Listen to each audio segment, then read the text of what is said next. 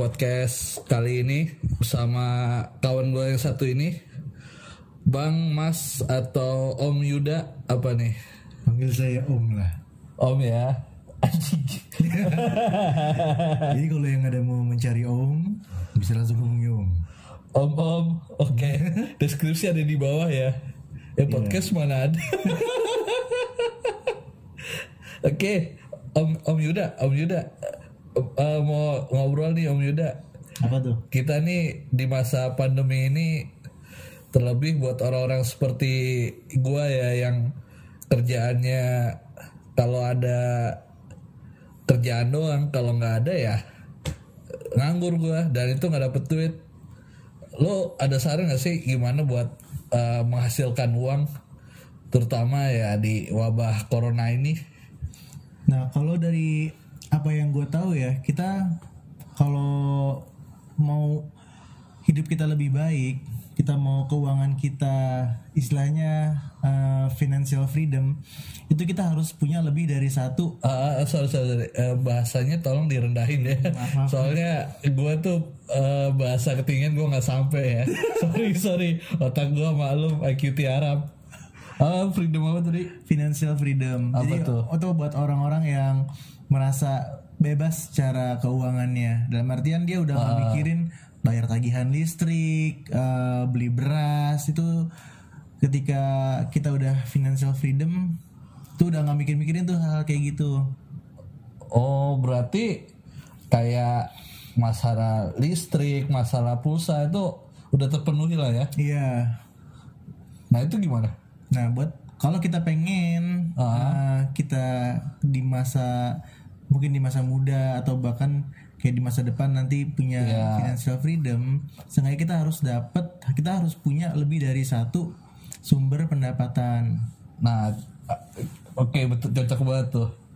Nah, Jadi nggak mesti dari yang kita ini kan? iya, jadi misalkan salah satu pendapatan kita ini bermasalah. iya. Misalkan saya uh, pendapatan pertama kita adalah dengan cara kita bekerja sama orang, kita bekerja di perusahaan, Ya itu, utama kan? itu ya misalkan itu pendapatan pertama kita Iya. tapi bagaimana ketika misalkan seperti pandemi sekarang mungkin banyak teman-teman yang dirumahkan Iya. atau mungkin WFH yang tetap potong gaji dan sebagainya. Kayak anda ya. nah ini seperti yang saya alami sekarang.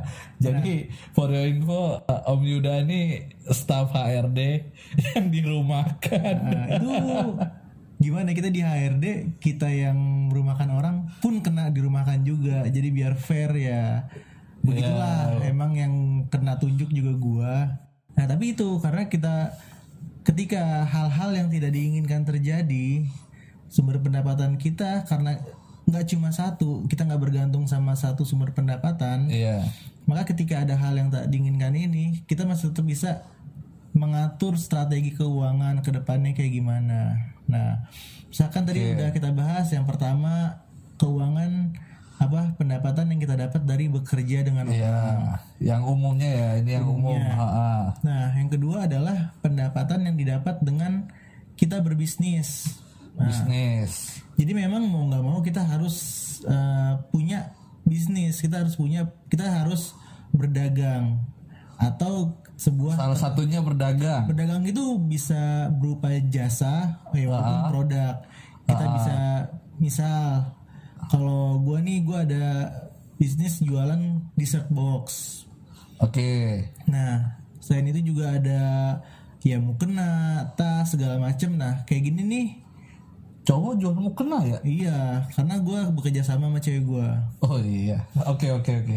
oke jadi di sini kita bisa jual apa aja kita bisa jadi produsen misalkan kalau makanan kita memasak Buat sendiri. Ya, kita homemade. jadi distributor Iya. ataupun kita jadi reseller pun itu nggak ada masalah. Calo calo. Calo, kelar apa pun lah intinya. Iya kita jual beli apa properti misalkan kita caloin pembeli rumah yang mau dijual. Nah ini ini salah satu pendapatan yang bisa dibilang yang nggak stabil lah bisa dibilang naik turun. Iya. Nah tapi ini juga kita harus punya juga untuk pegangan. Jadi andaikan ada hal yang tidak diinginkan Uh, salah satunya bermasalah kita bisa ada cadangannya ha, Oke, itu baru itu baru dua tadi ya. dua Nah, yang ketiga adalah pendapatan yang didapat dari aset. Ini passive income. aset ya Bukan aset ya sebenarnya lebih ke apa? Investasi. oh invest ha, ha, ha. Investasi. Jadi seperti kayak kita punya eh, kita punya uang, kita Iya. beli rumah, iya kita kontrakin. Ih, Kontrakan kontrakin, Bro. umumnya kontrakin Oke, kita kontrakin. Ya, jadi kalau lu punya rumah, lu kontrakin, lu punya mobil, mungkin lu sewa sewain. Lu punya bini, jangan lu sewain. anjay. Ada tuh kemarin gue baca kasus eh, suami karena masalah ekonomi, mungkin dia nggak punya income yang pertama, nggak punya income kedua, dia punya bini. Oh itu aset dia disewain. itu aset Nah, dia yang kayak gini kurang ajar sebenarnya, nah, jangan ditiru. Tapi ya boleh juga faktanya ada yang ada gini. ada memang Ya, iya jangan jangan bini lu sewain. kalau pacar masih pacar Wah sama aja bro. oh iya oke Ya itu boleh lah rumah, mobil, kantor atau atau lu mungkin rumah lu gede nih, ada kamar kosong, lu kontrakin, lu kos kosin. iya Intinya nih pasif income lah bisa dibilang. Atau mungkin kayak misalkan kita punya kamera, Kamera, betul, atau kamera. laptop Nah. disewain gitu ya ha, ha. Jadi lu kalau lu mau beli barang, iya lu beli barang yang berkualitas karena bisa disewain. Misal lu beli kamera, kamera nanggung. oh iya Mau lu sewain kagak laku, nggak ada yang mau make. Lu beli kamera sekalian yang bagus, jadi bisa lu sewain. Lu beli rusak mahal Iya, itu mah resiko bagian dari resiko. oke Tapi seenggaknya lu punya sesuatu yang nantinya bisa jadi passive income lu. Jadi walaupun lu nggak apa di luar lu nggak ngejual nggak ngejual beli, iya lu nggak bekerja, istilahnya itu kan dipinjem disewa, iya itu bisa dapat masukan. Income, Nah itu berapa tadi tiga ya. tiga Nah yang keempat nih adalah kenaikan dari investasi.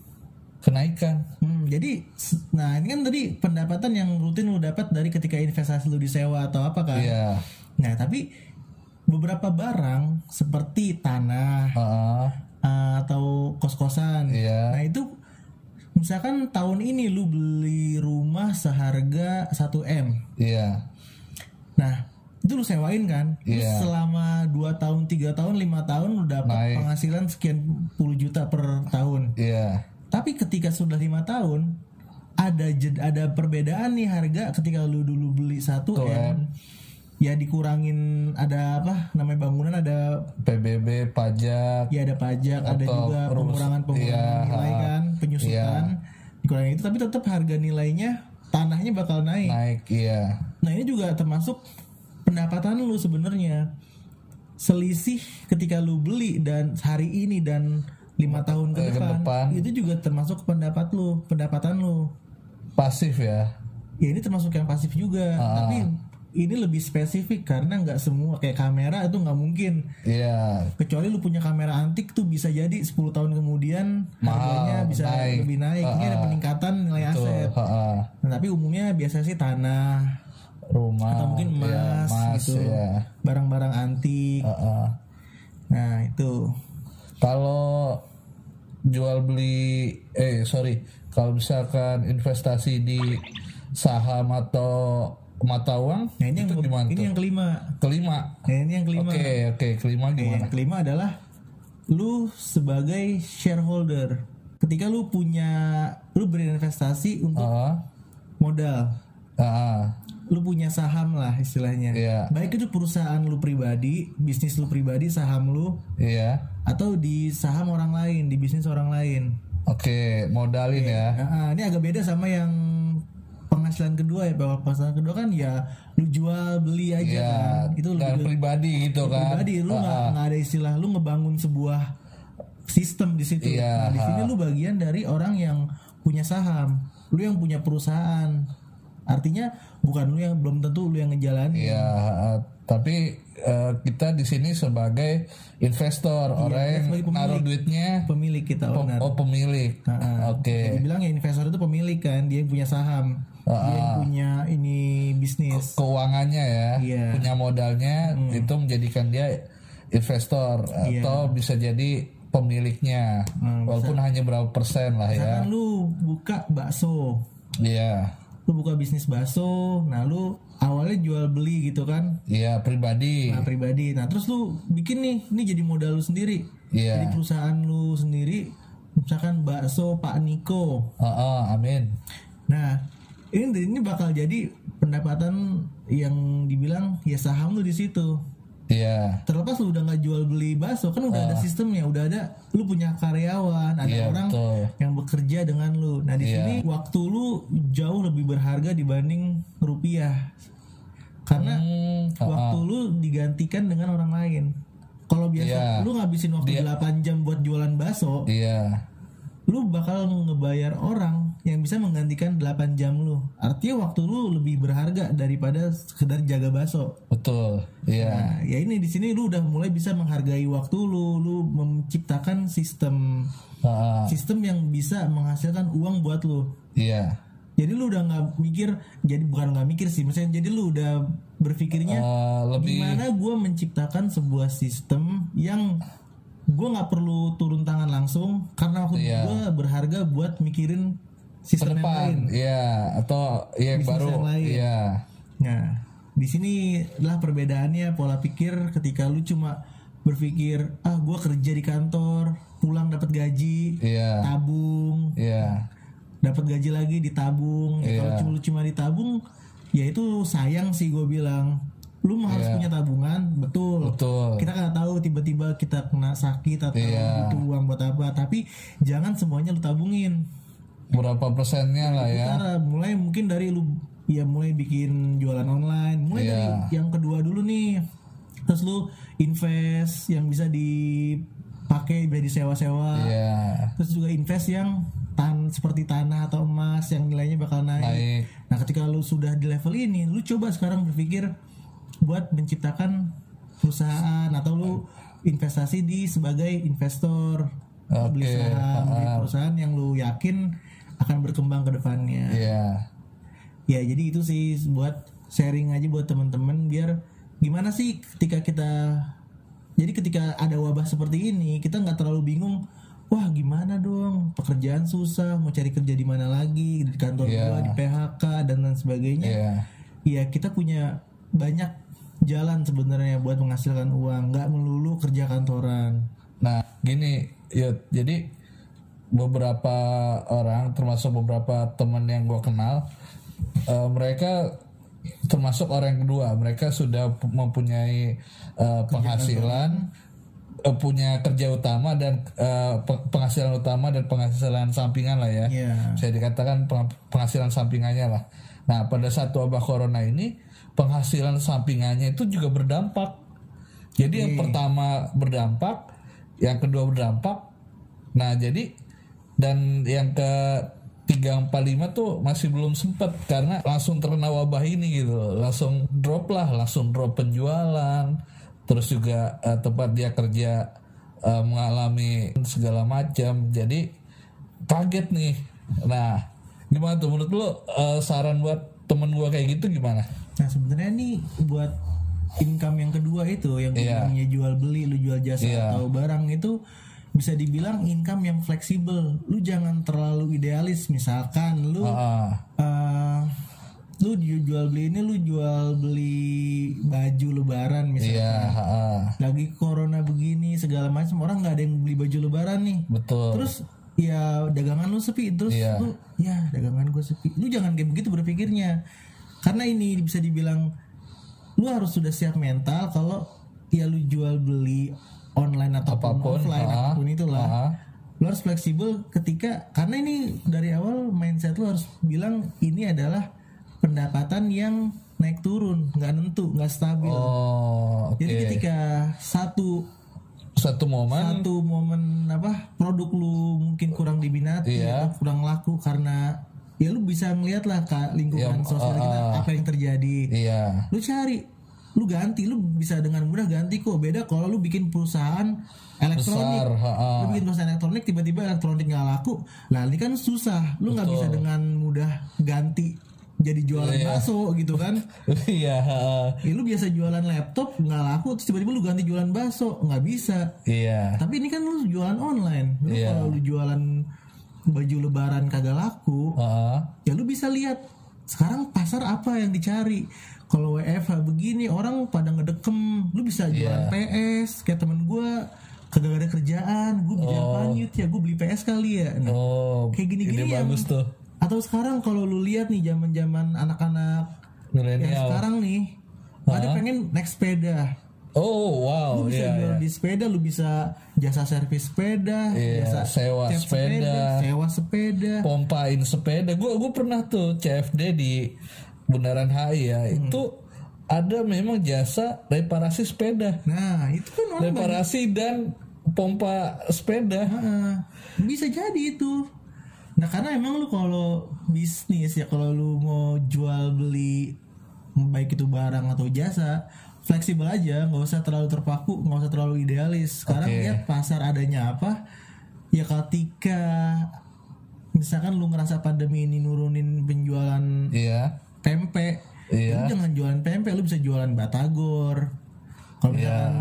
makanan juga emang gak laku lu bisa ganti ke jualan mungkin gadget barang-barang Iya. elektronik intinya fleksibel ya jangan idealis lihat kita- peluangnya yang ada apa Iya. Jadi eh, kita tetap harus survei ya. Iya. Per- pertama yang pasti jangan sampai kita down dulu nih. Waduh, down dari eh, awal mentok. siapin mindset lu kalau lu Iya. jualan atau ya kan ini bukan lu bukan membuat bisnis kan lu bukan membuat perusahaan di sini kita Enggak. ngomonginnya Iya. ini kan pendapatan yang nggak stabil aja Betul. Nah, lu udah siapin mindset, jangan terlalu terpaku sama satu dua jenis dagangan produk. Siap-siap lihat pasar dibutuhinnya apa. Istilahnya ya kalau bahasa kampungnya palu Iya. gada.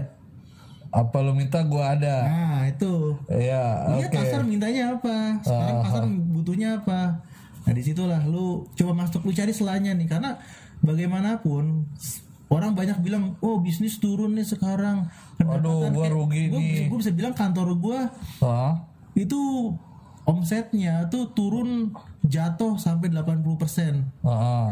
Nah, tapi di sisi lain banyak perusahaan-perusahaan Yang kayak perusahaan detol, sabun gitu kan. iya malah itu naik. malah naik permintaan. Iya. Perusahaan-perusahaan makanan seperti apa kayak Frozen snack, food. snack, frozen food Iya. dan makan makanan yang instan Iya. kayak sarden Heeh. naik.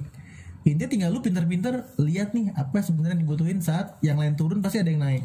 Iya. Nah itulah. Jadi memang intinya kreativitas lu diuji lah pada saat eh, lu tidak sesuai dengan ekspektasi. Iya. Eh, kalau seandainya kan ya kita bisa bilang walaupun kita tidak membuat sebuah perusahaan tapi kita sudah masuk ke dunia bisnis ya. Iya. Nah kalau misalkan udah niat dalam du- dunia bisnis itu wajib yang namanya eh, kreativitas dan riset. Bisa tuh. Itu ya penting banget tuh ya kreativitas dan riset mental. Dan mental pengusaha ya. itu Karena kalau mental nih yang dari paling sering gue denger ya kalau oh, teman-teman gue yang mungkin bergantung banget kerja kantoran. iya Gue bilang ya cobalah lu jualan online sekarang yang kayak begini. Ya kan ada beberapa temen cerita wah saya dirumahkan segala Iya. macem. Coba lu jualan online. Ya gue nggak bisa Aduh, jualan. ah. Terus sekali dia coba jualan, ada temennya bilang kok mahal harganya. Iya. Nah ini biasanya kayak gini-gini nih teman-teman toksik yang lu bukannya bantuin Eh, jualan bukan temen temen itu mah itu bukan temen itu ya, iya bukannya bantuin lu malah bikin dia ngedel. Iya. Ih kok mahal? Eh gue beli di sini murah. Ya oh diskon nggak lah. enak Diskon lah harga temen. ah cobain dulu kayak deh gini, dah. Ah, cobain dulu Minta gratisan. iya Kayak gini gini banyak. Kalau ada lu ketemu, lu baru mau mulai nih jualan, misalkan lu jualan gamis, lu jualan gadget, lu jualan Iya. apa pun lah. Iya. Ada yang bilang mahal, ada yang bilang ya diskon harga temen. iya Ya, lu harus pertama siapin mental dulu, jangan ngedon. oke Nah kedua kalau misalnya lu berpikir kalau ada yang kayak begini nih orang-orang yang Toxic. ya, toxic lah istilahnya, lu berpikir ya lu berpikir aja kalau oke mereka bukan pasar gua, iya mereka bukan target penjualan gua, lepas aja udah bodoh amat. iya Lu tetap posting aja, cari teman lain, cari lingkungan lain, pergaulan lain. Lu bisa eh, minta Manfaat. tolong minta tolong temen lu yang nggak toxic ya, minta temen lu Iya. yang bisa support lu buat Iya. coba dong bantu repost coba dong bantu lu promosiin. Dan dan nggak menutup kemungkinan aktif di sosial media ya walaupun Iya. walaupun lu nggak kenal lingkungannya ya posting aja udah pede aja gitu ya. Pede. Jangan mental lu langsung ngedown kalau ada yang bilang mahal ada yang bilang ih produknya jelek segala macem. Intinya lu pasti bakal nemu kok pada akhirnya pasar lu tuh siapa. Oke. siapa target pasar lu. Perlu waktu ya jadi kesabaran itu buat sebagai seorang pebisnis juga wajib ya. Sabar ya. Sabar. tapi ya itu sebenarnya bisa diatasin kalau lu riset. Ah tapi kan biasanya kita kalau mau baru mulai bisnis kita belum ada riset dong. Betul betul. Karena kita ya istilah baru mulai aja Iya, udah syukur gitu kan. betul. Ya, lu gak usah terlalu mikir ekspektasi tinggi lah. Iya, aduh nggak usah- gua untung sekian nih. Gua laku riset berat dulu nih. Pasar ini disukain nih nggak? Ya lu nggak jalan-jalan. Iya. ini lu promosiin dulu lu minta tolong temen lu yang bisa bantu promosiin. Kalau temen lu yang emang rada-rada eksis lu kirimin aja gratisan. Misalkan lu Iya. jual baju bro gua ada hadiah nih buat lu. Tapi bantu promosiin ya. Iya. Cukup kasih baju satu misalkan lu jualan kaos kasih baju seratus ribu sih berapa sih harganya? Iya ntar dia bakal posting sengaja itu bakal ngebuka target pasar baru buat lu. Jangan lu juga jadi pelit-pelit pasif juga. iya. Jangan pelit nggak mau ngasih dan orang. dan jangan terlalu royal juga. Tuh lu kasih 100 orang gratis semua. Enggak Ya. juga. Lu lihat yang potensi nih temen lu yang emang coba dari awal dia terlihat mendukung. Yang toksik toksik ya lu, lu jauhin aja. Oke nih, terakhir nih nasihat lu buat orang-orang yang sekarang nih pengen memulai bisnis atau yang merasa, waduh kayaknya gua mentok nih gua nyari duit gimana? Apakah gua harus jual barang? Apakah gua harus gadein segala macem? Gimana nih nasihat buat mereka biar stay strong lah pada saat-saat ya mungkin nggak nggak cuma karena corona juga mungkin suatu saat mereka menemukan hal-hal yang tidak diinginkan jadi mereka bisa berkreativitas dalam mencari keuangan. mungkin gua persempit dulu ya ini biar biar lebih enak biar lebih tepat ngomong Iya. mungkin untuk yang mau memulai bisnis online ya Iya, karena kan sekarang memang zamannya bisnis online dan dari tadi emang arah omongan gue sih ke jual online. online. Oke. Jadi pertama tuh di online itu yang paling penting harus lu perhatiin adalah personal branding. Itu gimana lu yang nge-brand diri lu sendiri. Lu tuh orangnya gimana? Lu orang yang keren, lu orang Iya. yang jago masak, lu orang yang ya nggak penting Heeh. atau lu orang yang emang bisa ngasih saran, lu bisa uh, wise lah apa yang lu omongin. berarti harus GR ya, harus pede dengan diri sendiri. Uh, bu- bukan pede sih, lu harus memulai nih dari Heeh.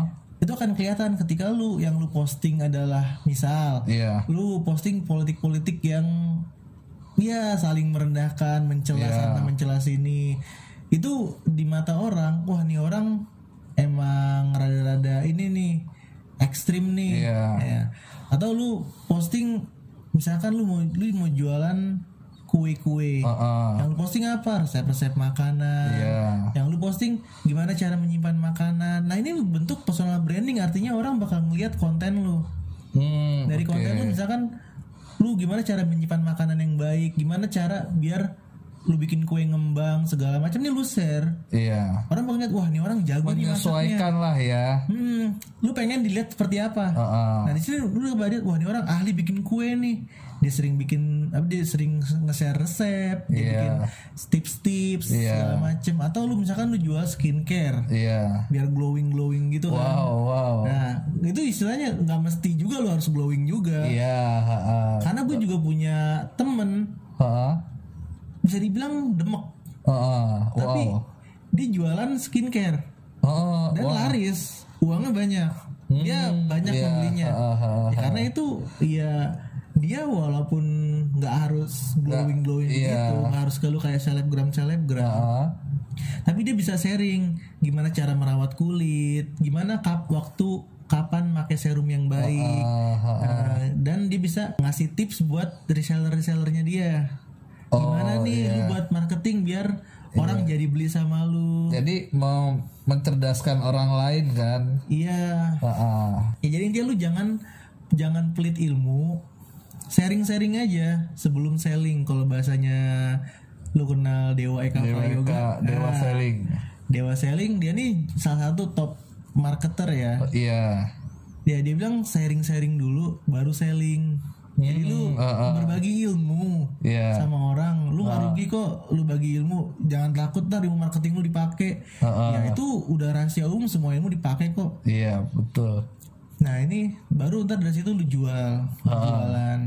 Jadi jangan lu juga jualan mulu lama-lama orang ih ini orang Jualan sebel juga. story-nya jualan mulu, gua unfollow lah ribet gitu kan, nyampah spam spam aja. Ah banyak tuh temen gue tuh. Banyak kayak gitu. Ah. Nah ini yang suka missnya. Jadi intinya lu bikin branding diri lu dulu. Jadi lu seperti lu pengen terlihat seperti apa, apa yang pengen lu jual, Ah, lu bikin orang lain ngelihat lu seperti apa yang lu mau. Oke. Nah baru di situ akan istilahnya setelah itu apa yang lu jual orang bakal percaya, orang bakal wah ya wajar sih dia jualan beginian. Iya. Ya karena kan banyak orang yang gak kenal sama kita aslinya kan Orang cuma tahu dari Instagram atau dari Facebook. Iya. Intinya gimana lu personal branding diri lu untuk jualan online. Oke. Ada lagi selain itu? Dah itu aja. Bang Yud, Om Yuda, Om ya, Om Yuda.